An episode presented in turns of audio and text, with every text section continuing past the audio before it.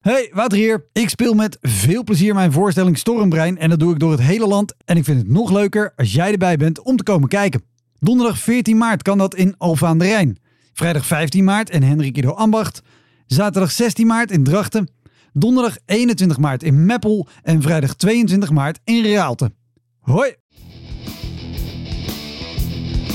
Welkom, mijn naam is Wouter Monde en dit is de Elektra Podcast. Een podcast waarin ik met collega's herinneringen ophaal aan shows die ze liever waren vergeten. Genoemd naar het roemruchte jongerencentrum Elektra in Sliedrecht, dat ooit bekend stond als de comedy hell.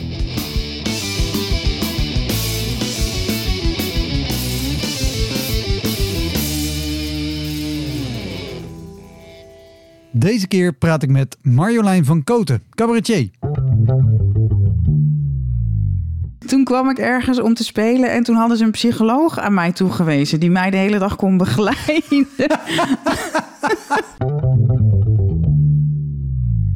Marjolein stond in 2010 in de finale van het Amsterdams Kleinkunstfestival en toert sindsdien met avondvullende voorstellingen in haar compleet eigen genre, psychiatrisch cabaret. En dat is, in haar eigen woorden, ook leuk voor normale mensen. Dus als je die kent, tip ze. Naast solovoorstellingen maakte ze ook een voorstelling samen met psychiater Bram Bakker en schreef ze het boek Scheidluis over het leven met angststoornissen. Heel veel plezier. Dit is de Elektra Podcast met Marjolein van Koten.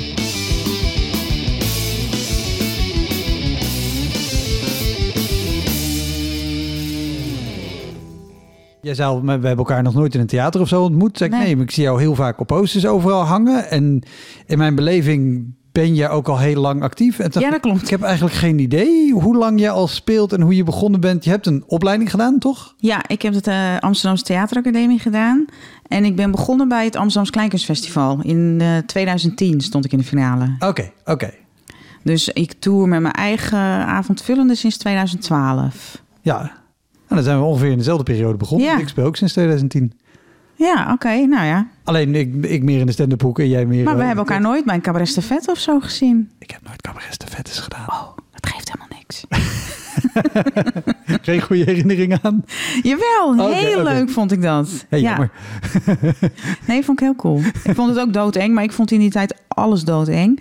Dus ehm, ik vond het vooral echt erg leuk. Ja, Eh, want je hebt met, met AKF, eh, als je finale hebt gedaan, daar zit altijd een finalistentour aan. Maar er zit ook altijd een soort halve finalistentour voor, toch? toch waarbij je al Ja, gaat. een try-out tourneetje. 15 keer ga je dan. Of dat was het in mijn tijd in ieder geval, 15 keer. En dat is wel echt in de kleine kerkjes en eh, de plekken die voor mij echt angstaanjagend waren. Maar ik had, toen ik begon, zat ik echt nog midden in mijn angststoornis. Ik heb ehm, eh, officieel een angststoornis. Ehm, nog steeds, hoewel ik er nu bijna geen last meer van heb. Mhm. Maar ook dat is relatief, want ik heb afgelopen zomer nog echt een fikse terugval gehad. En Oh, eh, mijn medicatie moeten verdubbelen. En dus ik, ik riep altijd, ik ben er al acht jaar vanaf. Maar nu ben ik er eigenlijk nog maar drie kwart jaar vanaf. Eh, maar, maar het is goed te hanteren nu. En in die tijd was het niet te doen. Ging ik echt dood de hele tijd. En had ik de stress die iedereen had. Eh, ook de andere halve finalisten hadden stress. Maar ja, ik ging gewoon bijna dood. Ik, had, ik, liep, ik liep constant met enorme spierpijn, met paniekaanvallen. En het enige moment waarop ik rust had, was tijdens het spelen. Want dat vond ik heel leuk om te doen. Dus ehm, dat hield me op de been. Ja, maar ja, dat, maar dat is ook, dat is, in zo'n tour is dat een half uurtje op een avond. Ja. Dan zitten er nog 23,5 uur in een dag. Ja, klopt. Maar ja, daar, ik werd er zo euforisch van. Want het contrast was natuurlijk ook heel groot. Dat je eh, het ene moment nog doodsbang bent. En het andere moment als een vis in het water met het spelen. En eh, het contact met het publiek. Ja. En dat eh, had ik gewoon nog. Ik had bijna geen podiumervaring. Ik heb voordat ik auditie deed bij, bij het AKF, had ik twee keer voor publiek gespeeld. Dus voor mij was het allemaal helemaal nieuw. En eh, ik deed ook maar eigenlijk, ik deed alleen maar mee om te oefenen. En, en, en, en hoe nog één stap Ja. daarvoor? Want je had die angststoornis daarvoor ook al, volgens mij? Ja, ja, zeker. Dat is ook. Toen ik in therapie zat, heb ik op een gegeven moment. eh, ik was echt knetterdepressief. Ik wilde eigenlijk gewoon dood. Dat zei ik ook toen tegen mijn psychiater. En die zei: eh, Ja, wat wilde je dan eigenlijk als kind? En toen begon ik heel hard te huilen. En eh, ik zei, ik wilde nooit. Ja, toen nog wel, maar nu wil ik niks meer. En nou ja, eigenlijk als kind, ja, altijd wilde ik wel bij het theater. Ik wilde actrice worden en schrijfster. En toen zei hij, nou ja, misschien moet je eens kijken of je daar dan nog weer... En ja, een paar weken later ging ik open dagen bezoeken. Ah, En, eh, zo, zo, want, want ik was Ja. inderdaad al benieuwd. Maar hoe, hoe kom je dan tot het besluit om dan dit te gaan doen? Ja, maar, echt doordat ik helemaal aan de grond zat en dacht... wat wil ik nou eigenlijk echt? Weet je wel, na jarenlang aanpassen. En eh, ik, heb, eh, ik heb communicatiewetenschap gestudeerd. Ik had een dikke baan en diep ongelukkig. En eh, toen gedacht, ja, wat, wat is nou eigenlijk mijn passie? Wat wil ik nou eigenlijk Ja. echt? En zo ben ik aan de theateracademie begonnen. Ik vind het wel heel grappig dat, dat spreken het openbaar is natuurlijk een enorme angst voor heel veel mensen. Ja, staat Die zouden zeggen, ik ga nog liever dood dan dat Ja. ik een, een podium opgaat. En dat jij dat, ik wil eigenlijk het liefste dood, maar ja, dan maar. nou, nee, want ik... Sorry dat ik je onderbreek, nee, maar... ehm, ik wilde schrijver worden, want ik dacht wel, met een angststoornis... Ik heb agorafobie, dat betekent dat je niet ver van huis durft. Ja. Dus ja, een tournee gaat er dan niet in zitten. Dus ik dacht, ik word schrijver. Want dat wilde ik ook altijd als kind. Schrijver en eh, actrice. Ik dacht, ik word gewoon schrijver. En ik ga voor andere mensen schrijven. En pas in het derde jaar van mijn opleiding... ging ik ehm tien minuutjes cabaret doen. Ieder, ieder jaar moest je eh, voorstellingen maken hè, van tien minuutjes, een Mhm. kwartiertje. En ik had eh, hele zware dingen uitgeprobeerd. En die vond ik heel leuk om te schrijven, maar vreselijk om te spelen. En nu cabaret. Ja, en toen eh, moest die zaal, die kwam niet meer bij. En toen dacht ik, wat? Ik dacht, dit, hier kan geen antidepressiva tegenop. Dat was fantastisch. Dus toen ben ik helemaal veranderd. Toen dacht ik, nou, ik ga toch wel spelen. ja. Dus vandaar ook dat ik geen podiumervaring had. Want die tien minuten, ik heb één keer tegenover de eh, bibliotheek in Amsterdam, de OBA, daar Ja. lag zo'n boot altijd. Zo'n pannenkoekenboot vroeger. Ja. En daar kon je ook optreden. Want Daar heb ik één keer gespeeld, tien minuten. en eh, de open bak gewoon van de school. Van, van, van, eh, ook tien minuten. Nou, dat hoe, was het. hoe ziet een optreden op de pannenkoekenboot eruit? nou, dat was eigenlijk heel leuk. Er was een podium en, dan, en, de, en eh, de piano stond op rij 1.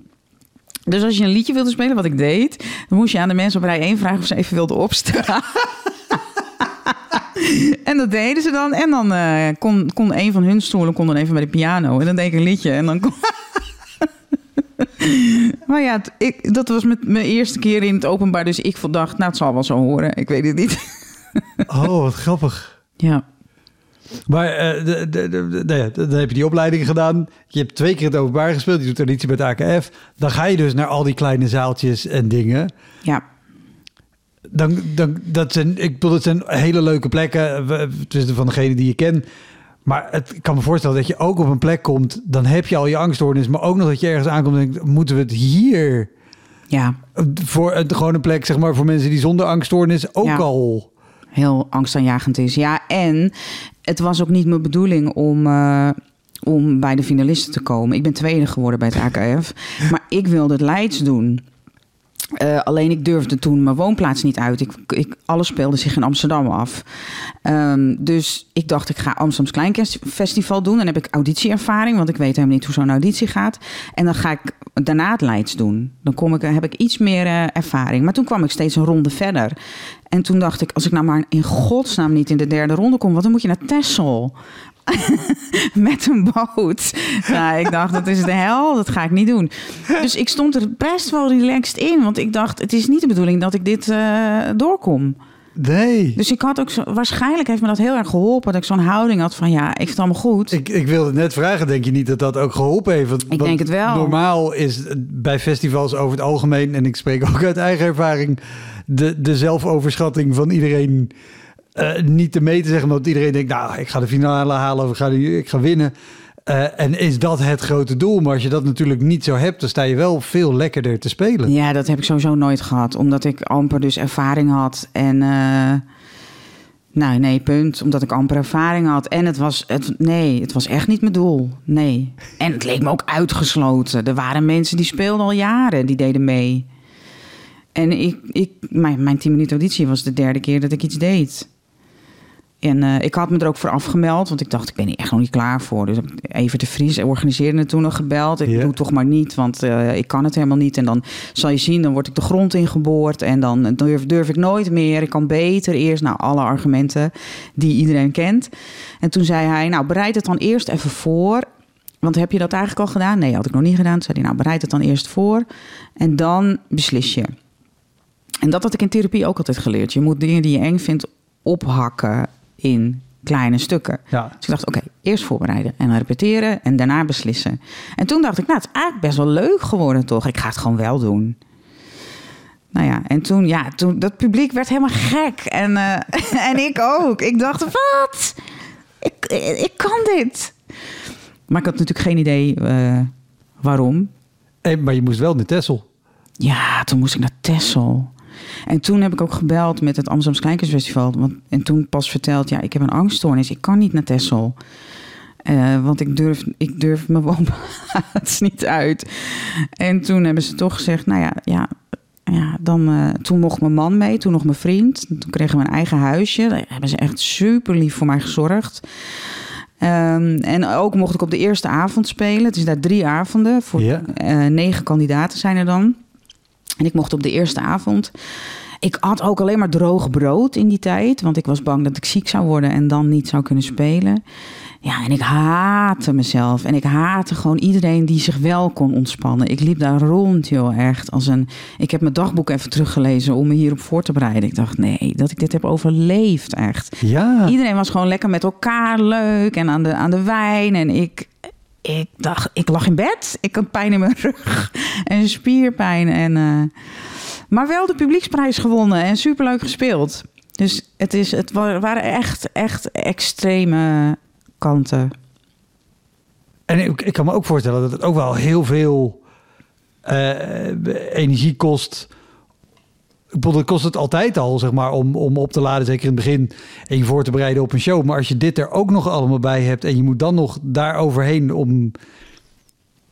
Ja. Ja, ik kwam, ik kwam ook eigenlijk echt niet toe aan eh, genieten van het spelen. Dat, dat, ehm, dat heb ik ook eigenlijk nog helemaal niet zo lang hoor. Ehm, in verhouding. Ik denk dat ik. Even denken, hoe lang speel ik dan nu? 13 jaar. Ja, ik denk dat ik nu vijf jaar of zo heb dat ik het echt leuk vind. Maar toch heb ik het nooit willen opgeven. Ondanks al die angst. Dus ik vond, ik vond het toch de moeite waard. De- balans sloeg toch door Ja. naar positief. Dus ja, ik heb zo'n ja, verlangen om het toch te doen. En Ik heb al ik heb zo vaak ook van die lijsten gemaakt, weet je wel, met waarom zou ik doorgaan, waarom zou ik stoppen. Zo'n balans en dan met memootjes, een hele deur volgeplakt. ja, dan toch maar weer door. En, ah, zo'n worsteling wat, wat, wat voor dingen staan er op de memootjes om, om te stoppen? dat ik eh, zoveel paniekaanvallen had. Ehm, maar ja, op een gegeven moment zei mijn psychiater toen ook... ja, die, die paniekaanvallen die heb jij gewoon. Als jij een saaie baan hebt, heb je ook paniekaanvallen. En dan heb je paniekaanvallen en een saaie baan. en nu heb je paniekaanvallen en een leuke baan. Ja, Ja, ja. dat vond ik zo logisch klinken... dat ik dacht, nou ja, dan ga ik toch maar door. Ja, ik heb toch paniekaanvallen. Ja, Ja. het is dan maar zo. Ehm, maar het heeft juist geholpen. eh, want ehm, ja, reizen was voor mij verschrikkelijk. Maar je moet. Mhm. Dus ehm, dat, dat helpt gewoon. Ik ben er eigenlijk daardoor eh, best wel goed van afgekomen. Ja, gelukkig, want anders wordt dit een vrij onmogelijke baan. Ja, ja. En, en weet je nog, want, want die, bij het AKF ging het goed en had je publieksprijs en, en vond het publiek het heel tof. Maar weet je dan nog een, eh, een eerste keer te herinneren dat het niet goed ging? Want dan, het is natuurlijk fantastisch als het, als het zo lekker is op het podium dat je daar gewoon vrij bent van angst en lekker los voelt. Maar als het dan niet goed gaat en dat valt ook nog weg, Ja, dan heb je ja. een kutdag. Ja, de eerste keer dat het eh, niet goed ging, eh, dat was in de boerderij in, eh, in Huizen. En dat was met de finalistentournee. En ik was helemaal gewend dat het altijd leuk was. En ineens dacht ik, huh, ze lachen helemaal niet. Ze zijn, stil. Ik, eh, ik dacht nog even, staat mijn geluid niet aan? Er gebeurde niks. En dat had ik nog nooit meegemaakt. En dat moet je natuurlijk wel, ja, dat moet je echt leren om daarmee om te gaan en om dan niet in te storten. En ik, ik heb ook altijd, en dat heb ik nog steeds hoor, als wat minder is, dat het nog dagen in mijn systeem blijft zitten. En echt last van heb als het zwaar is geweest. Ja, Maar hetzelfde geldt voor het positieve. Als ik lekker heb gespeeld, dan denk ik weer: oh, dit is de leukste baan van de wereld. Dus, eh, en nu is het eigenlijk bijna altijd leuk. Dus, maar dat heeft lang geduurd, ja. ja. Ja, zeker. De, de- als je er dan ook nog lang last van hebt. Maar de- ik kan me ook voorstellen als het, als het zo lang eh, eh, eigenlijk bij verrassing zeg maar goed gaat. Of dat je denkt, oh, maar het publiek vindt dit gek. Dat je dan de eerste keer hebt met, oh, het kan ook Nou, het was kant op. natuurlijk ook wel. Ik had wel goede dingen geschreven. Ik had een, een heel geestig lied en ik had een goede conferentie. Maar ja, dat vond ik zelf geestig. Het is natuurlijk nog maar afwachten of het publiek het dat dan ook vindt. Ja, Eh, dus dat was een verrassing. Ehm, en dat ik leuk verhalen kon vertellen, wist ik ook wel. Gewoon uit mijn privéleven. Ehm, en het leek me, ja, het is natuurlijk wel, het is natuurlijk wel een fantastische baan. En, en vooral omdat ehm, ik het op, het op het podium heb over dingen waar eh, normaal gesproken een taboe op rust. Ik, ik heb het veel over psychische klachten. Mhm. Maar dan op een manier dat je er verschrikkelijk om kan lachen. En dat is wat ik zelf altijd heb gemist met mijn paniekaanvallen. De, mensen doen daar zo spastisch over. En zo, zelfs, ik speel veel ook in GGZ-klinieken bijvoorbeeld. Of op congressen voor GGZ-instellingen. ja, geestelijke gezondheidszorg. Ja. Ja, en ehm, ik heb zelfs een keer gehad. toen kwam ik ergens om te spelen en toen hadden ze een psycholoog aan mij toegewezen die mij de hele dag kon begeleiden. dat ik dacht, ik ben gewoon een professional. Hallo. maar zelfs daar begrepen ze niet. Ik kan zo een heel lijstje collega's opnoemen waarvan ik denk, dat is een heel goed idee als je daar een psycholoog Nou, toen ik in de opleiding zat, had ik het ook. Daar was ook een psycholoog waar je naartoe mocht. Daar stond altijd een rij. Ja, Hoe, was dit een man of een vrouw? Die psycholoog. Eh, een vrouw. En en bleef hij ook echt gewoon de hele tijd... Nee, ik heb gevraagd of ze weg wilde gaan. Ik zei, ga maar lekker in de zaal zitten, joh. Oh, oké. oké, nee, ik dacht als hij inderdaad echt de hele tijd bij je in de buurt blijft, dat, dat is ook super ongemakkelijk. Nou, bovendien, wat gaat ze doen? ja, Als ik in paniek ben en ze kent me niet. Als ik in paniek ben, bel ik mijn beste vriend of mijn man. ja. Maar wat heb je aan de psycholoog die met je meeloopt? Ik begreep er helemaal niks van. maar het was lief bedoeld natuurlijk. Ja, maar dan nog. Ja, maar dat is natuurlijk vaak met slechte shows. En dat komt ook vaker naar voren in de podcast.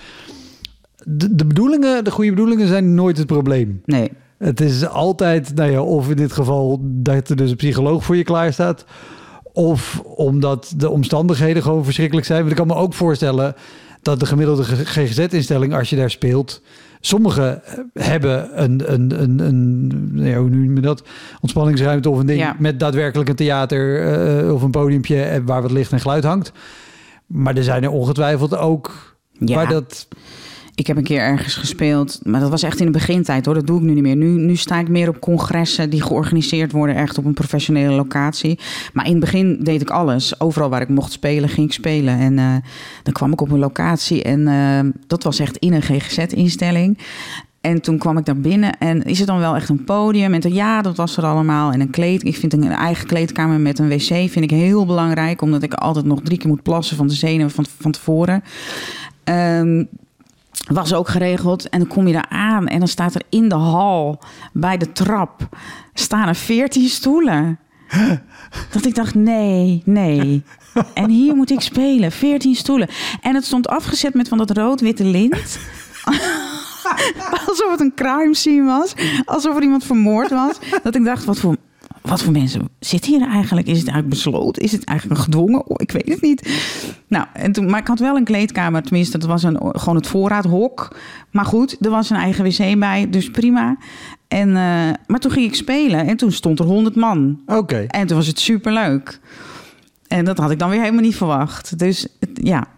Maar de aankomst was wel even schrikken. Ja, maar wa- waarom hadden ze dat ook, dat, die rare opstelling met die 14 stoelen? Geen idee. Dat zijn dus mensen die het niet gewend zijn nog. Dat je zegt, er moeten wel wat stoelen bij. Oh, oh, nou ja, overal stoelen vandaan halen. Oh, Oké, dus weet- iedereen zat wel. Het was geen staat. Nee, volgens mij, dat weet ik eigenlijk niet eens meer goed. dat volgens mij niet. uit, maar, maar ook hoe, hoe, hoe eh, dan kom je binnen, dan zie je die- die 14 stoelen. Hoe bereid je je voor op, oké, ik ga je zo meteen in een hal voor 14 mensen moeten spelen? Ja, dan belde ik eh, Dries, mijn impresario. En dan zei ik, Dries, er staan veertien stoelen. Ik weet niet wat ik moet doen. Nou, dan zei hij... eh, nou ja, weet je, eh, dan zie je het als een, als een doorloopje. Het is altijd weer repeteren, altijd goed. En je moet toch nog een naam opbouwen. En dan dacht ik, ja, ja, dat is allemaal waar. Ja, nou, dan ging ik het gewoon doen. Ja, Ik ben nooit weggegaan. Ik heb wel heel vaak gedacht, dit ga ik niet doen. Ik ga met gier in de banden naar huis. Maar dat heb ik nooit gedaan. en ben jij ook iemand die heel erg de omstandigheden naar, naar je eigen hand gaat zetten? Heel erg, ja. Want jij hebt mij wel eens eerder gevraagd voor deze podcast. En toen zei ik, ja, maar ik heb niks te vertellen. Want door die angststoornis ben ik een controlfreak.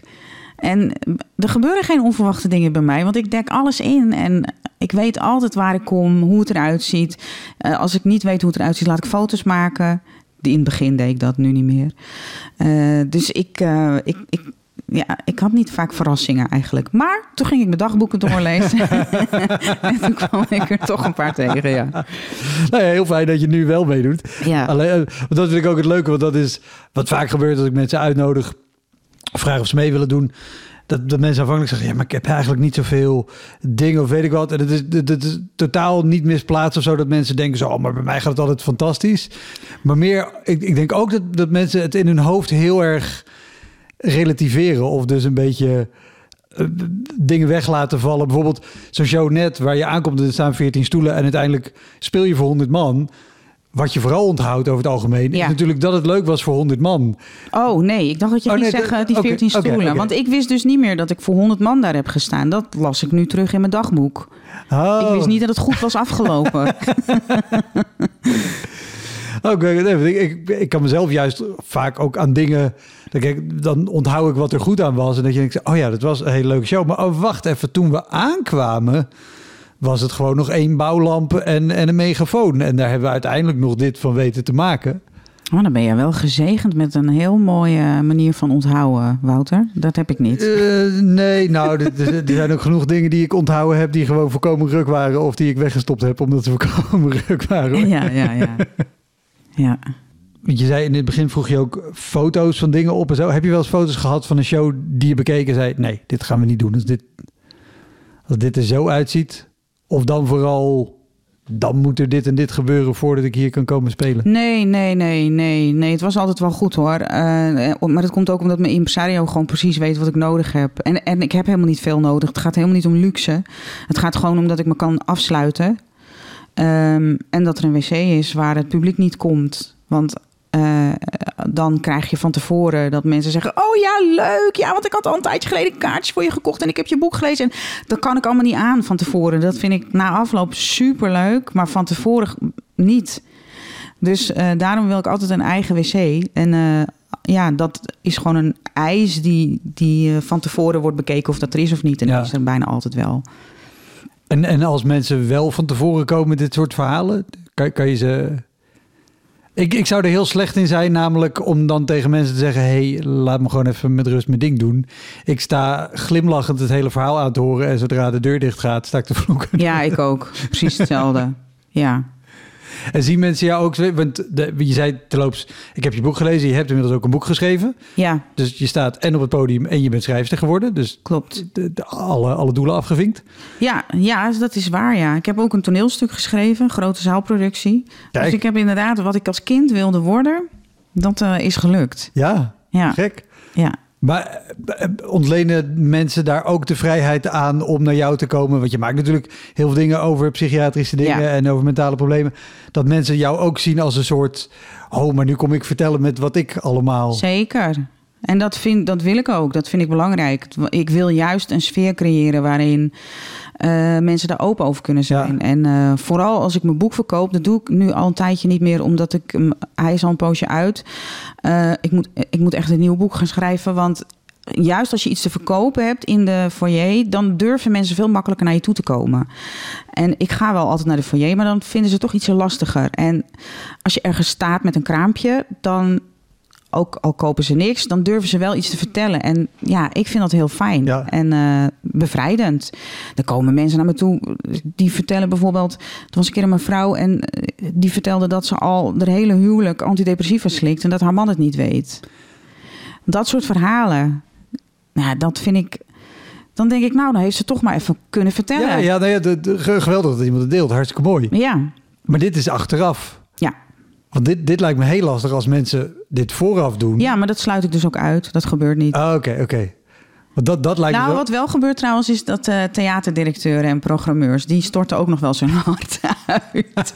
maar dat vind ik juist emanciperend. Dan denk ik, ja, zie je wel, ze zitten overal. Iedereen heeft moeite met het leven. Eh, En- Sowieso, ja. dus ik vind dat altijd een grote opluchting. Dat ik niet eh, de kneus ben, maar gewoon net als iedereen. Ja. Wat ik, wat ik me afvroeg, en dat zal nu denk ik eh, niet aan de hand zijn omdat mensen weten wat je doet. Maar hoe was dit in het begin? Want wat ik zelf ook vaak wel zie gebeuren is als het over dat soort onderwerpen gaat, is dat een zaal ook nog wel eens op slot kan slaan met. "Huh, Oh jee, we zitten nu in een soort openbare therapiesessie. Of mogen we hier wel om lachen? Ja, en dat is wat ik absoluut eh, niet wil. Het is, het is geen therapie. Dus ik zet heel duidelijk de code neer in het begin. En dat heb ik, ik ben nu met mijn vijfde voorstelling bezig. En dat, bij iedere voorstelling kom ik erop uit dat het heel belangrijk is dat ik in de eerste vijf minuten laat zien: je mag mij uitlachen. Ik lach mezelf ook uit. En het is de bedoeling dat jullie dat ook doen. Ehm, dus op die manier werkt het. Want anders is het inderdaad heel ongemakkelijk. En dan Ja. denk je, oh wat verschrikkelijk wat die vrouw allemaal heeft meegemaakt. Eh, maar de bedoeling is juist dat je denkt, oh wat zij vertelt heb ik eigenlijk ook. Ehm, en, en er ook om kan lachen. En hoe ging dat in het begin? Ging dat altijd goed? Of heb je ook zalen gehad of mensen die opstaan en zeggen: Ik vind dat je hier niet. Nee, nee, heb ik nooit gehad. Nee, Nee? heb ik nooit gehad. Nee, ik heb het altijd zo gedaan. En in het begin was ik heel zenuwachtig. Ook gewoon omdat ik die paniek nog zo erg had. eh, kon ik ook helemaal niet goed piano spelen, omdat mijn handen verschrikkelijk trilden. En toen dacht ik, nou, dan zet ik gewoon een kneus neer. Dan kom ik gewoon op als iemand die verschrikkelijk zenuwachtig is. Ehm, en die net doet alsof ze niet zenuwachtig is. En daardoor kwam ik ermee weg. En dat gaf een enorme bevrijding.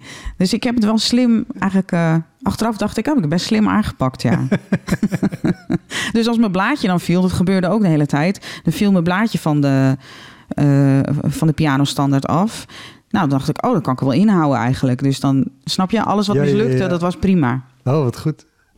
Zijn er nog dingen, eh, je zei, ik had, ik had mijn dagboeken teruggelezen. Heb je nu dingen teruggelezen waarvan je dacht, oh, die show, die was ver achter in mijn hoofd gaan zitten, maar nu komt het weer naar boven. Ehm, even kijken, want ik heb een lijstje gemaakt.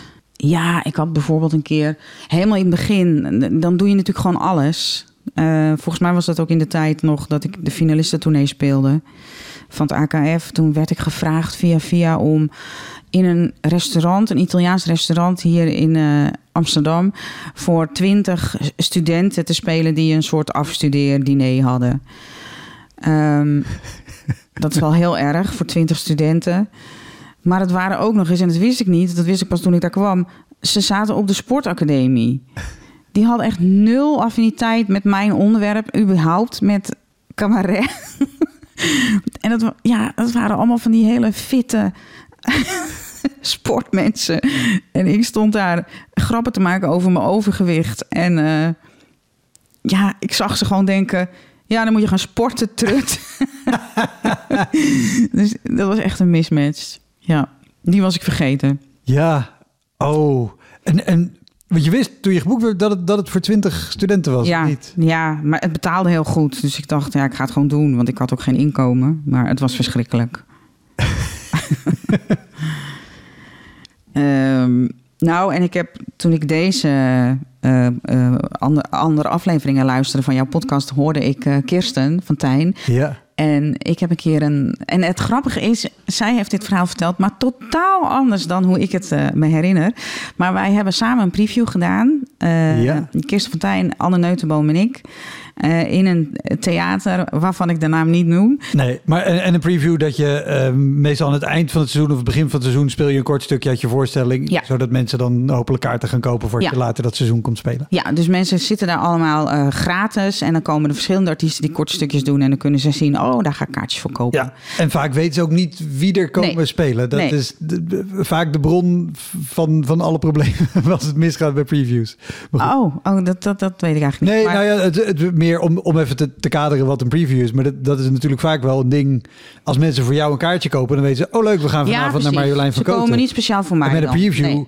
Ja, sommige mensen denken, leuk, ben benieuwd wat voor cabaret er Ja. dit seizoen. Maar er zitten ook mensen die denken, nou, ik ben heel erg benieuwd wat voor moderne dansproducties er Ja. dit jaar bij mij in het theater staan. Die, die denken, hou maar op met je cabaret, daar heb ik geen zin in. Maar bij de Grote Schouwburg heb je eigenlijk wel dat ze dat heel goed eh, variëren. Ja. Maar dit was een avond, eh, drie cabaretiers inderdaad. Ehm, drie vrouwen ook, toevallig. En ehm, Kirsten was eerst, dus. Kirsten had gespeeld. Ik stond eh, te wachten. Eh, de programmeur of directeur die presenteerde het zelf. Meestal is dat niet zo'n heel goed idee, want die... Ja, programmeren is een ander vak dan Die presenteren. is met een reden goed in programmeren of directeur zijn. Ja, precies. En die hield een verhaal dus tussen Kirsten en mij. Hij was haar aan het afkondigen en mij aan het aankondigen. En wij stonden naast elkaar in de coulissen, want ze was al af. En toen zei hij... Nou ja, ja, dus dit was Kirsten Fontijn. En eh, een hele eh, mooie, mooie vrouw ook. En nou, je hebt dus cabaretiers die zijn heel mooi. En je hebt cabaretiers die zijn heel grappig. En we gaan nu naar een heel grappige vrouw. en dat was ik dus. En toen noemde hij mijn naam. En, maar ik zei tegen Kirsten, nou, dat vind ik niet normaal. Wat zegt hij nou? En zij zei ook, wat, wat? Dus ik zei, nou, ik ga, ik ga er wat van zeggen. Ik, eh, ik, ik ga er wat van zeggen. En ik ben normaal niet super assertief. Maar toen, het, het, het- ik, ik was meteen woedend. Dus ik liep dat podium terwijl hij nog bezig was met zijn verhaal. En ik zei, maar eh, wat zegt u nou eigenlijk? Zegt u nou eigenlijk dat ik wel grappig ben, maar ook lelijk? En, toen, en Kirsten was achter me aangelopen en die zei, ja precies. Want zegt u dan eigenlijk dat ik wel mooi ben, maar niet grappig? En er zaten allemaal vrouwen in de zaal. En die zeiden, ja, boe, boe, boe. Dus die waren heel erg op onze hand. Nou, die man, die ging dood, gewoon. Ja, en terecht. En daarna ging ik spelen. Ja, dat ging als een malle. Iedereen was voor mij natuurlijk. Ja. Want ik was net eh gedisht door de... door- ja. En daarna eh, was het pauze en ging Anne Neutenboom nog... en die heeft er ook nog wat over gezegd. Die heeft ook nog iets gezegd over vrouwen en, eh, en humor. Dus ik dacht, ik word nooit meer geboekt daar. Dat kan ik echt vergeten. Maar zowel Kirsten als ik spelen er nog steeds. dus het was eigenlijk heel sportief van die man. Ja, nou ja, en, en mogelijk ook allebei daardoor misschien meer kaarten verkocht. Ja, misschien. Misschien. En jullie zijn ook allebei goed in wat je doet. Dus Ja, ja. dat, daar, daar zou hij toch in ieder geval boven zichzelf moeten kunnen staan. Ook al zou hij er heel erg van balen dan toch zeggen. Ja, hij bedoelde het natuurlijk ook helemaal niet. eh, Nee. Maar het, het kwam er verschrikkelijk uit. En het, het- ja, het kan gewoon niet. Nee, kan je echt niet zeggen. nee en het, het is ook iets... eh, Ik heb het nog nooit horen zeggen over een man. Of die wel of niet... Uiterlijk van een man is totaal niet relevant. Wordt niet over gesproken. Nee, Nee, ik, ik ben er blij mee. Dat is in mijn voordeel. Maar heb jij veel... eh, en ik vind het altijd een, een, een eh, nou, niet zozeer lastig onderwerp. Maar ik wil het nooit heel erg benadrukken over vrouwen in cabaret. Want ik denk, ja, de- de- lekker boeien. Eh, weet je... Maar het is wel een ding waar natuurlijk veel gedoe uit kan komen. Of mensen in het publiek die reageren met... oh, een vrouw of dus zo'n aankondiging. Eh, en, en daarom zeg ik, ik wil het er liever niet over hebben. Omdat ik denk, ja, maar dan geef je alleen maar weer aandacht. Maar er zitten wel ook vaak verhalen in dat je denkt... oh mijn god, heb jij weer veel dit soort ervaringen Nee. gehad? Of achteraf de verkapte complimenten met... je was heel grappig voor een vrouw. Ik heb wel in het begin dat wel gehad met de finalistentournee. Want toen speelde ik met twee mannen. En dan was ik natuurlijk de enige vrouw. Eh, en dan krijg je wel soms van... ja, ik vind vrouwen normaal nooit zo leuk... maar ik vind jou wel heel leuk. Ja, die hebben heel veel vrouwen al te horen gekregen. Dat, ja, ik, ik neem daar eer- eerlijk gezegd niet echt aanstoot aan. Nee, het- eh, gelukkig. Maar verder heb ik het nooit. eh, ik zit even na te denken. Nee, volgens mij heb ik dat verder nooit meegemaakt. Ik heb nu ook wel. ehm, sinds mijn tweede voorstelling heb ik ook wel echt mijn eigen publiek. Eh, die speciaal voor mij komt. Die Ja. echt ook het onderwerp psychiatrie interessant vindt. Die zelf paniekaanvallen hebben. Of, eh, of een depressie hebben gehad. Of eh, er komen ook heel veel psychologen, heel veel behandelaren naar mijn voorstelling. Dus dan is het anders. Dan weten ze gewoon waar ze naartoe gaan en naar wie ze toe gaan. Maar in het begin, inderdaad, met cabaret stafettes en met de finalistentournee... ja, dan ben je gewoon een vrouw tussen de mannen. Dan, dan hoorde ik het wel eens, ja. Ja. Ik vind dat iedereen die, die zichzelf een keer heeft horen zeggen... ik vind normaal vrouwen niet zo grappig, maar jou wel... dan heb je bij deze voor jezelf bewezen... het kan dus wel. Dan kunnen we het daarbij... Ja, het is... eh, ja. Ja. Het zou grappig zijn om het eens tegen een man te zeggen. Ja, ik vind meestal mannen niet zo grappig, maar ik vond jou wel leuk. Kijken wat er dan gebeurt. Dat is best leuk.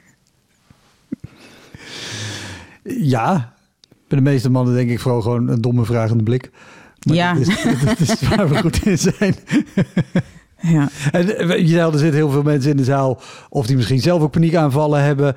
Of, eh, of onder behandeling zijn. Weet ik. Heb je wel eens iemand in de zaal gehad die dus een, een, een aanval heeft gehad? Of, of anderszins... Ja. ja, zeker wel.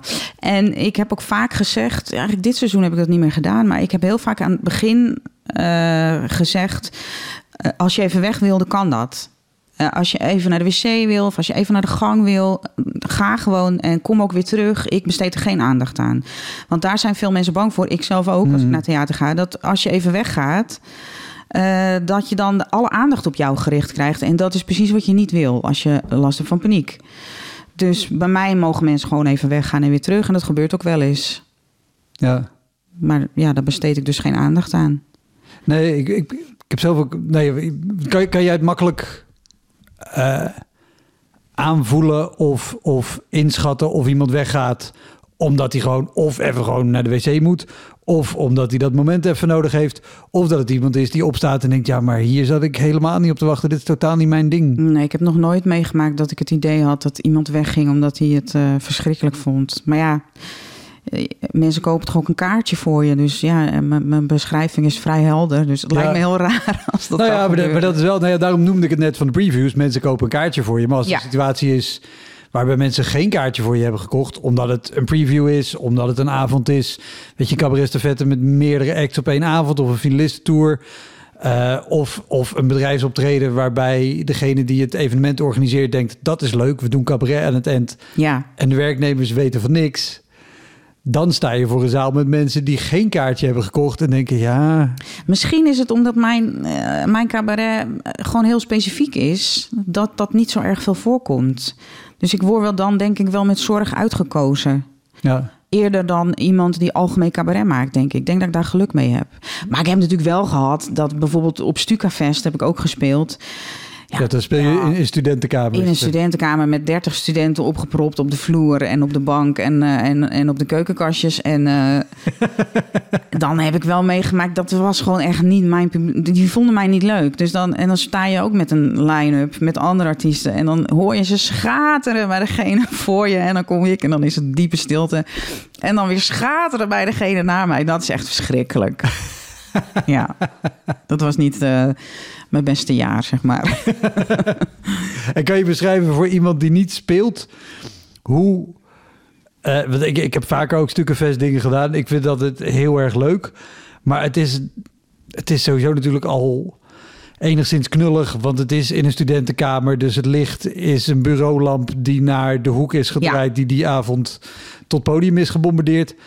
Ehm, geluid is... oh, hoe, hoe ziet zo'n avond eruit? Kan je dat eens beschrijven? Ja, Van dat je daar aankomt tot, tot je gaat spelen. Nou ja, je, je kleed je om in de slaapkamer van een van de studenten. Ehm, en het, maar het allerengste is gewoon dat je iedereen ziet.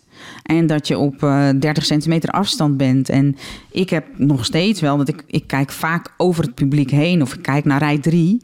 Dus ik kijk gewoon in een zwart gat. En de mensen dichtbij durf ik vaak niet zo erg aan te kijken. Ik ben dat nu wel trouwens een beetje aan het, eh, aan het veranderen. Om wat Ja. meer contact te maken. Maar ik heb toch wel heel vaak eh, gehad dat ik, ja, dat, ik, dat ik er een beetje overheen kijk. Gewoon naar het midden. Of, eh, en in zo'n, in, zo'n, in zo'n studentenkamer is dat onmogelijk. je ziet ze gewoon. En het is ook licht. Je hebt daar niet dat het donker gemaakt kan worden. Je, je- zij zit in hetzelfde licht als Ja. jij.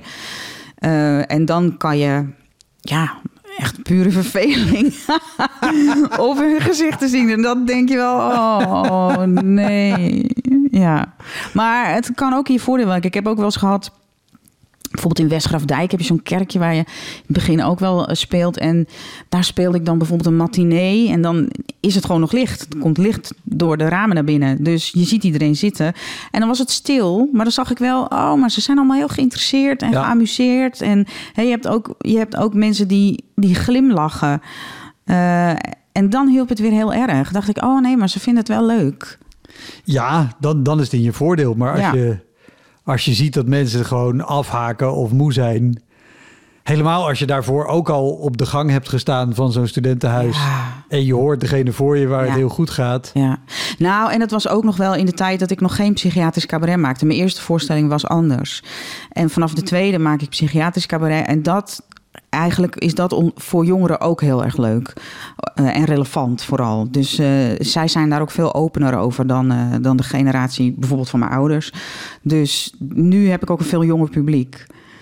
Dus ik denk dat ik toen ja, ook gewoon niet. Ik had mijn eigen vorm ook nog niet gevonden. En het sloot minder aan op hun belevingswereld. grappig dat het, dat het juist een jonger publiek trekt. Ja, Het klinkt heel logisch als je het zo vertelt. Denk ik, ja, dat, dat is inderdaad zo. Maar ja, dat is echt. eh, en ook, ik hoor eigenlijk altijd van, eh, van de mensen uit het theater zelf dat ze zeggen: Nou, er- lopen hier heel andere mensen rond dan normaal. Niet het vaste publiek. Dus veel mensen komen echt speciaal voor het onderwerp. ja. En word, word jij dan ook, juist omdat het natuurlijk eh, onder jongeren steeds meer aandacht krijgt, gelukkig, word jij ook geboekt voor, voor scholen? Of dat, dat juist scholieren met, met CKV-dingen naar jou toe worden gestuurd? Soms, ja, dan komen ze met de hele groep en dan eh, nog met een nazit dat ze vragen mogen stellen bijvoorbeeld. Maar dat is niet zo vaak gebeurd nog. En op scholen heb ik eigenlijk nog nooit gespeeld. Oké, be- bewust of gewoon niet? van nee, ik ben er nooit gevraagd. Ik weet ook niet, ik weet niet of ik dat zou durven eerlijk gezegd. Maar eh, het is nog nooit ter sprake gekomen. En eh, want ik, ik keek met een half oog op jouw eh, telefoon. Ik zie bedrijfsoptreden staan. Ja, Dat is altijd een bron maar dat van... is eh, bij mij dus altijd in een GGZ-kliniek. Dus Ja. dat is eigenlijk wat ik je net vertelde. Ah, oké. Maar wat ik bijvoorbeeld wel heb gehad... ehm, dat vond ik heel raar in het begin. Dan, dan kwam ik bij een GGZ-kliniek of een, een afscheid van een hoogleraar psychiatrie bijvoorbeeld, psychologie. En dan was de zaal half gevuld. En dan zei ik, hebben jullie ook patiënten uitgenodigd? En keer op keer gebeurde het dat ze zeiden... Patiënten? nou, daar we eigenlijk helemaal niet aan gedacht. Dat ik dacht, waarom niet? Waarom niet? Ja. Waarom moet het een gescheiden wereld blijven? En je hebt bijvoorbeeld in Heilo is een ehm, terrein, de cultuurkoepel. Ja. En daar is een GGZ-terrein waar mensen wonen en werken en ambulant hulpverlening krijgen. En daar heb ik dat wel een keer gehad dat alles tegelijk kwam. Dus patiënten en behandelaren. Nou, dat was fantastisch. Dat was echt geweldig. Maar dat gebeurt gewoon bijna niet. Heel vaak houden ze het gescheiden. Ja. Een congres is dan voor professionals en niet voor. eh ja, dan mogen we soms een paar ervaringsdeskundigen hun verhaal vertellen. Maar daar houdt het dan wel mee op. Hoi, Wouter hier. Wist je dat er al meer dan 160 afleveringen van Elektra online staan? Dus het kan heel goed dat je net die aflevering hebt gemist met een comedian of cabaretier die jij echt helemaal te gek vindt. Op elektrapodcast.nl kan je makkelijk zoeken op de naam van een gast. En daar kan je ook heel makkelijk doneren of crewmember worden om mij te steunen bij het maken van deze podcast. Als je in je podcast of streaming app even klikt op abonneren of volgen, dat is gratis, krijg je elke week een melding als er een nieuwe aflevering klaar staat. Oké, snel weer terug. Heb jij wel eens gespeeld in eh, Maastricht? Want daar heb je een jaarlijks congres met, met, met echt 1500 psychiaters. Daar heb ik gespeeld. 2000 psychiaters. Dat is het eh, voorjaarscongres. Ja, Ja. hoe, want ik heb hem ook wel eens gedaan. Oh ja? En ik vond het een, een hele rare om te doen. Of hele rare. Ik vond het heel leuk om te doen. Eh, maar ik heb misofonie, dus ik kan heel slecht tegen menselijke geluiden. Eh, daar ben ik ook voor behandeld bij het AMC. En ik had mijn voorgesprek voor dat optreden met eh, een psychiater die daar in het organiserend comité zat. Maar dat was ook de psychiater die mijn diagnose had gesteld. En die dag was voor mij een heel heftig ding. Want ik moest dat gesprek eerst echt vier keer hebben met een co-assistent en weet ik wat. En hij was echt de laatste waar ik het nog weer een keer helemaal aan moest vertellen. Het hele gesprek die uiteindelijk bevestigde met... oké, je bent niet gek, je hebt gewoon daadwerkelijk een aandoening. Eh, wat iets was voor mij na twintig jaar zo... oké, dus dit is echt een ding. Eh, Heel blij mee. Trouwens, een heel geestige uitspraak, hè? Oké, je bent niet gek. Je hebt daadwerkelijk een aandoening. Maar, maar die man was, was voor mij, had hij echt wel gewoon... en daardoor kon ik die behandelingen zo in, Ja. hartstikke fijn. En ik zit dat voorgesprek met hem te doen... en hij vertelde op een gegeven moment... hij zei, ja, maar ja, weet je... Wij zijn ook gewoon mensen aan het werk. Ja, wij hebben ook wel eens een gesprek dat ik ook zit te denken... wat zal ik vanavond eigenlijk toch eens gaan eten, joh? Oké, dit, dit is niet per se wat ik nu van je wilde Nee. horen. Eh, en en het, het was de, de, eh, eh, verder heel erg leuk allemaal. Want ik snapte wat hij, wat hij bedoelde. Maar wel dat je dan daarna voor 1500 van zijn collega's moest spelen. Oké, ik heb dat verhaal daar ook verteld. Het werkt hartstikke goed. Maar het, is natuurlijk toch ook een, situatie met allemaal mensen die normaal aan de andere kant van een, van een gesprek zitten, of van een, van een behandeling zitten. Ja, en ik had een conferentie over ehm, hoe afstandelijk. Uh, de, mijn eerste psychiater was, die heeft twee jaar u tegen mij gezegd. Echt? Ja, en uh, was verschrikkelijk afstandelijk en gaf geen antwoord op vragen. En uh, dan, dan zei ik bijvoorbeeld: Ja, ik ben nu in een jaar tijd bijna 20 kilo aangekomen van dit middel. Um, ik wil dat niet meer, want het lijkt me ook niet erg gezond. En, en nu? En toen zei hij, ja, dat, dat horen we vaak. Ja, dat mensen aankomen van de, ja, ja, ja, ja. Had u nog meer vragen? Nou ja. Nou ja, dat kon zo in mijn voorstelling. Daar hoefde ik niets aan te verzinnen. En ook het, het door mij heen praten, uh, me niet serieus nemen, u blijven zeggen. Um, ja, ik had daar een hele conferentie van gemaakt waar ik dus eigenlijk niks aan had verzonnen. En die heb ik daar gedaan. En die zorgde voor ontzettend veel herkenning. Ja, ja, ja. Ik had hem natuurlijk wel een beetje theatraler gemaakt, maar de inhoud. Uh, was gewoon uh, de realiteit. En dat uh, herkenden mensen ook. En eigenlijk zitten ze zichzelf dan uit te lachen. wat denk ik ook weer bevrijdend is. Want ja, en natuurlijk, ik heb later veel betere psychiaters gehad hoor. Wat normale mensen waren, zeg maar. En, maar toevallig mijn eerste, ja, dat was een man waar geen contact mee te maken was.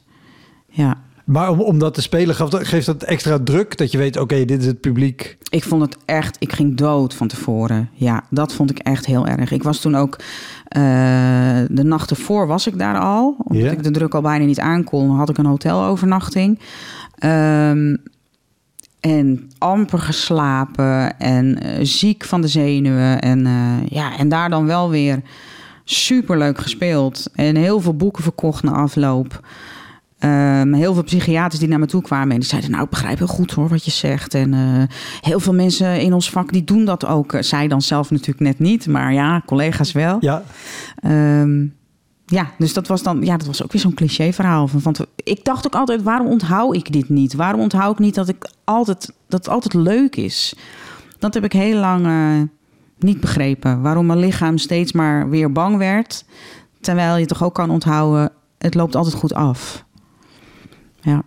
En hoe, hoe pep jij jezelf op op dat soort momenten? Als je zegt van tevoren, ik ging dood en ik vond het verschrikkelijk. Je moet, je moet wel gewoon op. Ja.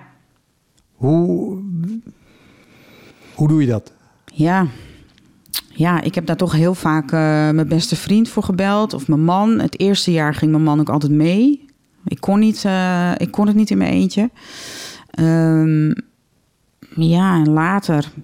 Ja, toch door steeds te denken... Ja, ik moet volhouden, want dan leer ik het. En ik moet wennen en ik moet het leren. En ik zal in het begin speelde ik ook heel vaak voor twintig man. Dacht ik ook, ja, ja, ja. Nou ja, Richard Groenendijk is ook pas bij zijn elfde voorstelling doorgebroken. Dat heb ik zo vaak tegen mezelf gezegd in de kleedkamer. ja, toch maar volhouden. Lange adem. Het is, die heeft inderdaad een hele lange aanloop gehad. En heeft dat nu ruimschoots gecompenseerd. Ja, ja. Maar ja, het, het, is wel, je moet het wel ergens. Het is makkelijker gezegd dan gedaan. Want je moet het wel ergens uit jezelf halen om maar door te blijven gaan. Om weer op te peppen voor twintig man om naar een restaurant te gaan waar twintig studenten zitten. Ja, denk, ja, maar dat is ook echt een worsteling. En uh, ik begrijp ook eigenlijk achteraf niet dat ik dat heb volgehouden. Als ik het zo teruglees in mijn dagboeken. Nou moet ik wel zeggen, ik schrijf alleen maar in mijn dagboek als ik me ellendig voel. Dus daar staat weinig leuks in. en die waren er natuurlijk ook leuke momenten. Ja. Maar um, ja, het is echt één grote worsteling geweest. Maar kijk, als ik een ander beroep had gehad, was het ook een worsteling geweest. Want ik had nou eenmaal die angststoornis met die paniekaanvallen. Ja. Dus ja, dat, ik heb tussendoor ook wel, uh, want ik verdiende helemaal niet genoeg met optreden in het begin. Dus dan had ik er ook een andere baan bij voor 24 uur. Ja, daar had ik ook paniekaanvallen. Dus ja, die had ik gewoon. Ja. Nee, maar, de, maar dat is natuurlijk sowieso dat nog los van de paniekaanvallen. Ja, is het al een, een heel traject om te doorlopen. Ja. Ja. Je zei net, ik, je, je had nog twee dingetjes op je lijstje volgens mij. Uh, ja, ik had ik- vooral die optredens die je dan buiten het theater doet, daar gaat het natuurlijk mis. In het theater is het allemaal goed geregeld. En, eh, maar kom je op plekken eh, waar eh, met vrijwilligers, of je staat in een buurtcentrum, een cultu- cultureel centrum, of een bibliotheek, of nou, dat soort plekken. Ehm, en dat is dan in mijn geval vaak door GGZ-klinieken georganiseerd. En dan, toen kwam ik ergens en dan hadden ze een podium gehuurd. En dat hadden ze al opgebouwd volgens afspraak. En ze hadden ook een piano gehuurd. Alleen de piano stond naast het podium. Maar echt gewoon een meter ernaast. En het was een hoog podium. eh, met een trappetje. en dus ik zei... De piano staat naast het podium. Waarom staat hij niet op het podium? En die man zegt... Ja, ja, we waren aan het opbouwen en ik twijfelde al. Maar ja, ik wist het niet. Ja, ja die mensen zijn al weg. Dus eh, ja, je zal gewoon eventjes ervan af moeten steeds. Nou, toen dacht ik, nou, dit kan niet. Dit kan niet. Toen speelde ik ook al wat langer hoor. Toen dacht ik, nee, dit, dit gaan we niet meer doen. Dus toen heb ik mijn impresariaat gebeld. En eh, die zei, nou, pak je spullen maar in. Dit kan echt niet. Dit is niet, eh, dit is niet haalbaar. Toen zei ik, ja, maar dat durf ik niet te vertellen. Toen zei hij, nou, geef maar aan mij. Dus hij met die man in gesprek. En eh, toen zei hij tegen die man: Ja, je haalt maar een paar mensen van straat. Die, die moeten je maar even helpen die piano te tillen. En toen hebben ze dat uiteindelijk gedaan. en toen heb ik wel gewoon gespeeld.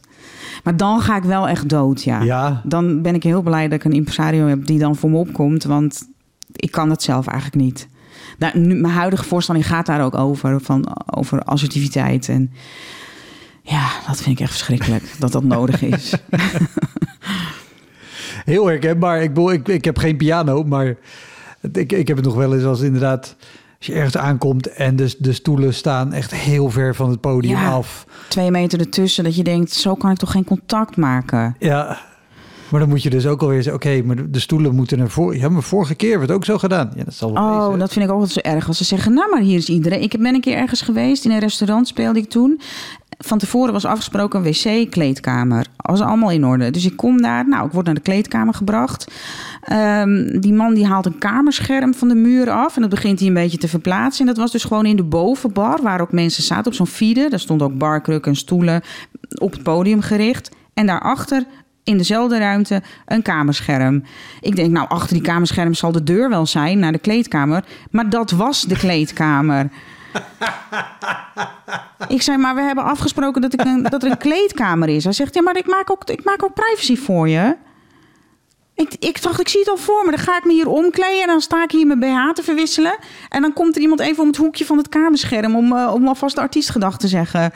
Dus ik zei, dat kan niet, dat kan niet. Ik moet een eigen... Maar hij zei, nou, maar, maar iedereen vindt het prima hoor. We hebben hier alle artiesten gehad en ze vinden het allemaal hartstikke goed. Dus eh, zo word je dan Ja, eigenlijk ja, de mond gesnoerd.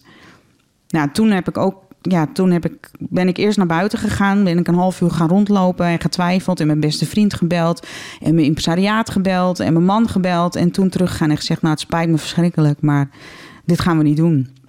Want dit kan ik gewoon niet. Dit kan ik echt niet. Ja. Het is geen diva-gedrag. Ik kan het niet.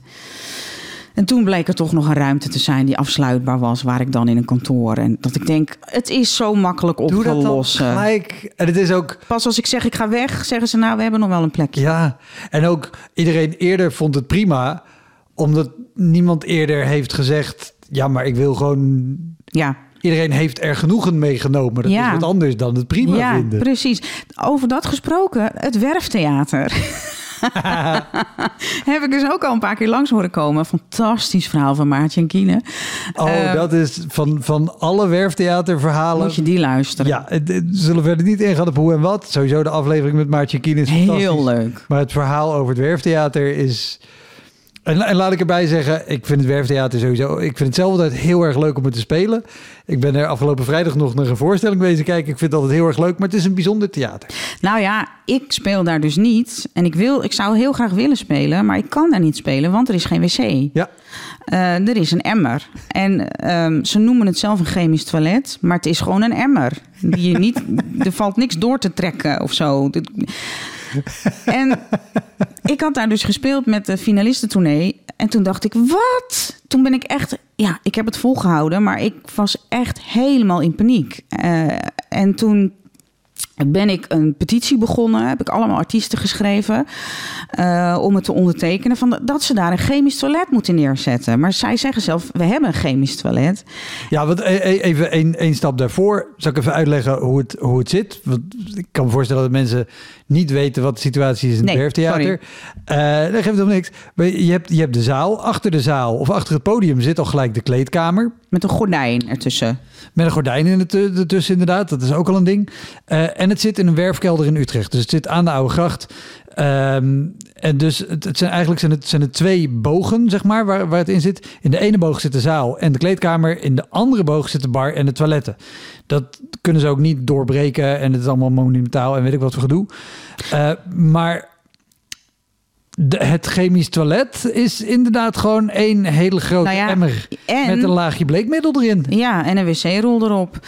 En de wc's, ja, er is maar één wc voor de vrouwen en één wc voor de mannen. Dus als je als, artiest- als artiest daar, ja, dan moet je gewoon in de rij staan. Ja, ja, want dat is inderdaad het ding. Dan moet je weer. Dat, eh, je kan niet even ongezien voor de voorstelling erheen. Je moet echt, nou, uiterlijk half acht, kwart voor acht kan je nog naar het toilet zonder dat je door het publiek heen moet. En daarna Ja. komt gewoon het publiek al binnen. Ja. Dus als je dan naar de wc wilt, dan sta je tussen alle mensen. Of je moet op de emmer. Nou ja, en wat ik zo frustrerend... kan- Want, want wat ik dan ook wist, was dat de emmer wordt gelegen door een vrijwilliger. Nou, ik dacht, ja, dus ik zou me kapot schamen.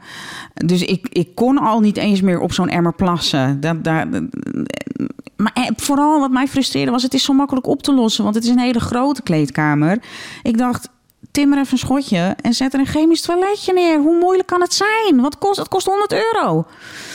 Maar eh, tot mijn grote verbazing eh, wilde niemand eh, ondertekenen. Iedereen zei, oh ja, ik vind het niet zo erg. dus, ehm, dus nee, daar, die, daar ga ik niet heen. Nee. Zijn er nog andere theaters, misschien zonder naam te noemen, maar wel de reden waarom, waar je, waar je niet heen gaat? Nee, nee hoor, helemaal niet. Oké. Nee, ik vind, ik vind het overal leuk. Ik vind het ook echt jammer. Ik zou graag spelen in het Werftheater. Dus ehm, bij deze de oproep. Hossel en wc. Ja, Oh ja, ik heb ook nog... eh, ik wilde in het begin ook heel graag bij de Comedy Train. ja. Dus toen heb ik een keer gespeeld op de... ja het gezelschap van comedians van, eh van Toemler. van Toemler. En eh, vooral omdat ik dacht, dan heb ik collega's. Dat leek me zo leuk. Dat lijkt me nog steeds leuk trouwens. Want het is wel, je bent gewoon wel eenzaam als eh, solist. En ehm, toen ging ik op zo'n eh, op zo'n open podium Mhm. spelen. En de zaal het ging fantastisch. Zes minuten mag je dan en het was helemaal geweldig. Dus ik dacht, wauw, stand-up comedy, dat kan ik gewoon. Ik had geen flauw idee wat ik deed. Later hoor ik dat dat heel veel mensen overkomt. Dat ze het de eerste keer heel goed doen. Ehm, dus ik werd ook meteen uitgenodigd om auditie te komen doen. Wat een grote eer is. En eh, ik kon dan nog twee keer een open podium doen en dan was het auditie. Dus ik de week erop weer open podium. Verschrikkelijk. Doodstil. Alles viel weg. Alles viel stil. Alles viel dood. En ik begreep er helemaal niks van. Ik begreep niet waarom dat zo was. Want ik deed een stuk uit mijn voorstelling die altijd heel goed werkte. En die ging af en Emilio Guzman was er. En die zei gelijk, Ja. ja, de context is er niet. En toen dacht ik, oh ja, kut, dat is natuurlijk zo. Want in mijn voorstelling bouwde ik daar naartoe en dan was het een conclusie van iets. En hier deed ik alleen de conclusie, wat helemaal nergens op sloeg. Waardoor ik een heel onaangenaam persoon was eh, in dat stuk. En dus dat begreep ik. Maar ik dacht ook, ja, kennelijk, als ik zo'n inschattingsfout maak, dan ben ik hier nog niet klaar voor. Dat moet ik echt niet doen. Dus toen durfde ik ook geen auditie meer te doen. Daar heb ik me voor afgemeld. Wat, Oh, echt? Ja, ik durfde niet. Oh, wat, en je, je bent ook de keer daarna de, de open mic die je had ook niet ik meer durfde gedaan. meteen helemaal niet meer heen. Nee, maar toen was ik ook nog echt heel angstig. Toen eh, zat ik, dacht ik, nee, ja, ik kan het gewoon niet aan nu. Ik kon die tegenslag niet incasseren. Dus ik denk nu nog steeds wel van, zal ik het weer eens gaan proberen? Zal ik toch weer eens een open podium gaan doen? Ehm, omdat, het, omdat het toch iets nieuws is weer om te veroveren en om te leren. Stand-up comedy is wel echt anders dan... eh, Ja, het is, het gewoon cabaret. en het lijkt me nog steeds heel leuk eh, ja, om collega's te hebben waar je mee kan sparren. En zou je zin hebben in een auditie waarbij allerlei collega's en bekende koppen voor je in de zaal zitten? Want die, die auditie bij, bij Ja, daar ben ik wel bij geweest. Een Ja. heftig ding, want meestal zitten er... eh, want het idee van Comedy Train, dat is een collectief. Die besluiten samen wie ze het toelaten als nieuwe leden tot een collectief. Of voor eerst word je aspirant lid. Dan mag je een Ja. jaar lang op, op, op, op proef eh, doe je mee.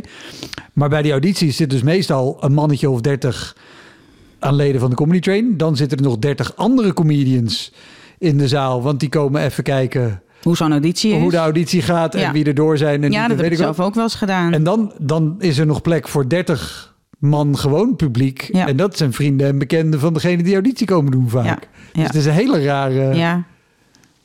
Ja, weet je, ehm, mijn inschattingsvermogen met dat soort dingen is eh, beroerd. Want ik denk nu, nou ja, prima toch. Maar het feit dat ik geen recensenten durf uit te nodigen.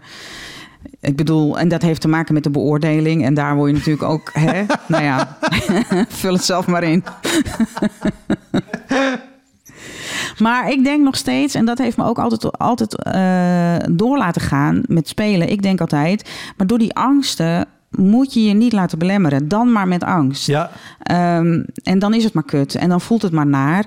Maar als ik me door mijn angsten zou laten belemmeren, dan, dan was ik mijn woonplaats nooit uitgekomen. Nee. Dus ik zou, het me toch, ik zou me toch nu niet tegen laten houden. daardoor. Als het me echt leuk lijkt, als ik me daar goed voel, dan zou ik het wel doen. nou ja, hartstikke goed. Ik weet alleen nog niet of ik het wil. Ik ga het wel weer, eh, ik ga het wel weer uitzoeken.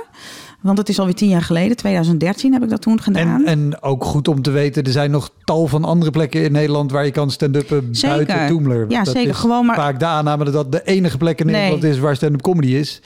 Dat is gelukkig al heel lang niet meer zo. Nee, nee, nee. Het gaat mij ook niet per se om Toemler. Helemaal niet. Het gaat mij erom dat je ergens bent waar je collega's hebt. Dat vind ik gewoon leuk. Ja. En eh, dat mis ik als... eh, ik, ik heb nu een pianist. Dat is ook al heerlijk. Dat is veel leuker dan in mijn eentje toeren. Het scheelt ook podium op en aflopen. Wat zeg je? Scheelt ook een podium op en aflopen als de piano naast het podium staat. En precies, die pianist die kan wel gewoon beneden zitten, dag. nee, dat scheelt al heel erg. En ook dat je samen kan reizen en dat je kan napraten en samen eten. Dat vind ik al heerlijk. Dus eh, nee, maar het lijkt me gewoon leuk om met collega's te praten over je materiaal. Dat lijkt me echt eh, inspirerend. Ik zie jou kijken naar me, dat je denkt van... Ja, eh, nou niet per se met een gedachte. Meer ja. Ja, want ik denk namelijk ook wel eens misschien dat, dat het mijn projectie is van... of ben ik daar te naïef in? Gaat dat helemaal niet zo? Niet altijd. Het gebeurt uiteraard wel. Maar ik denk ook dat, in ieder geval geldt dat voor mij, maar ook voor heel veel eh, anderen, denk ik, dat dit wel een vak is waarin het, het heel fijn is dat je heel veel collega's hebt die je op verschillende momenten wel ziet of niet ziet. Maar ik vind het heel fijn dat ik niet elke dag naar dezelfde plek ga en elke dag met dezelfde mensen Ja. werk. Dat snap ik wel. Dus dit is een soort hybride vorm van zelfstandige zijn, maar wel mensen hebt waar je, waar je prettig mee samenwerkt. Maar ik ben niet van mijn collega's afhankelijk. Ja. En dat vind ik, dat vind ik heel fijn. Ja. Ja, ik heb dus ook een lange tijd eh, als communicatieadviseur ernaast gewerkt. Ja, en dat vond ik dat toch altijd heerlijk. Om ook gewoon een groepje collega's te hebben. Of een cabaretgroep beginnen. Dat ja ik kan ook een cabaretgroep beginnen. Dat is een goed idee. Kan ik even een oproep doen? ja, nee, nee, nee, nee. Nee, dat nee, ik weet het inderdaad nog niet. Ik weet nog niet wat ik, eh, wat ik nu ga doen. Of ik eh, ga de stand-up kant eh, verkennen. Of ik ga weer meer schrijven. En daar heb ik ook heel veel zin in. Om een, een boek te schrijven of een toneelstuk weer. Daar heb ik ook plannen voor. Dus ik, ik ben net in première gegaan. Dus ik begin nu weer wat ruimte te krijgen. En ben het aan het onderzoeken. Wat ik, eh, welke kant ik uitga. Het kan nog alle kanten op. Ik kan nog alle kanten op. Top, dankjewel. Goeie titel wel voor een voorstelling. Het kan nog alle kanten op. nou, kijk hier, die heb je al. Ja. Dat was hem, de Elektra Podcast. Meer informatie over mijn gast van vandaag en linkjes naar van alles en nog wat vind je in de omschrijving van deze aflevering. Er staan ongelooflijk veel afleveringen online van Elektra. En op elektrapodcast.nl kan je makkelijk zoeken op de naam van jouw favoriete comedians en cabaretiers. Je kan daar ook eenmalig doneren of crewmember worden. Als crewmember betaal je maandelijks een klein bedrag, maar dan krijg je ook nog eens bonusmateriaal. Je luistert voortaan zonder onderbrekingen en je krijgt consumptiebonnen die je kan inleveren bij een show van mij. Ik vind het sowieso te gek als je een keer komt kijken bij mij. Dus ga naar woutermonde.nl, daar zie je precies waar en wanneer ik optreed. Of meld je aan voor de nieuwsbrief, dan hou ik je op die manier op de hoogte. En dan nog iets, elke vrijdagmorgen doe ik een column op radiostation Kink. Je kan die column terugluisteren als podcast. Hij heet Kink op de Week en je vindt hem in de app waar je ook deze podcast luistert. Oké, tot de volgende Elektra. Hoi!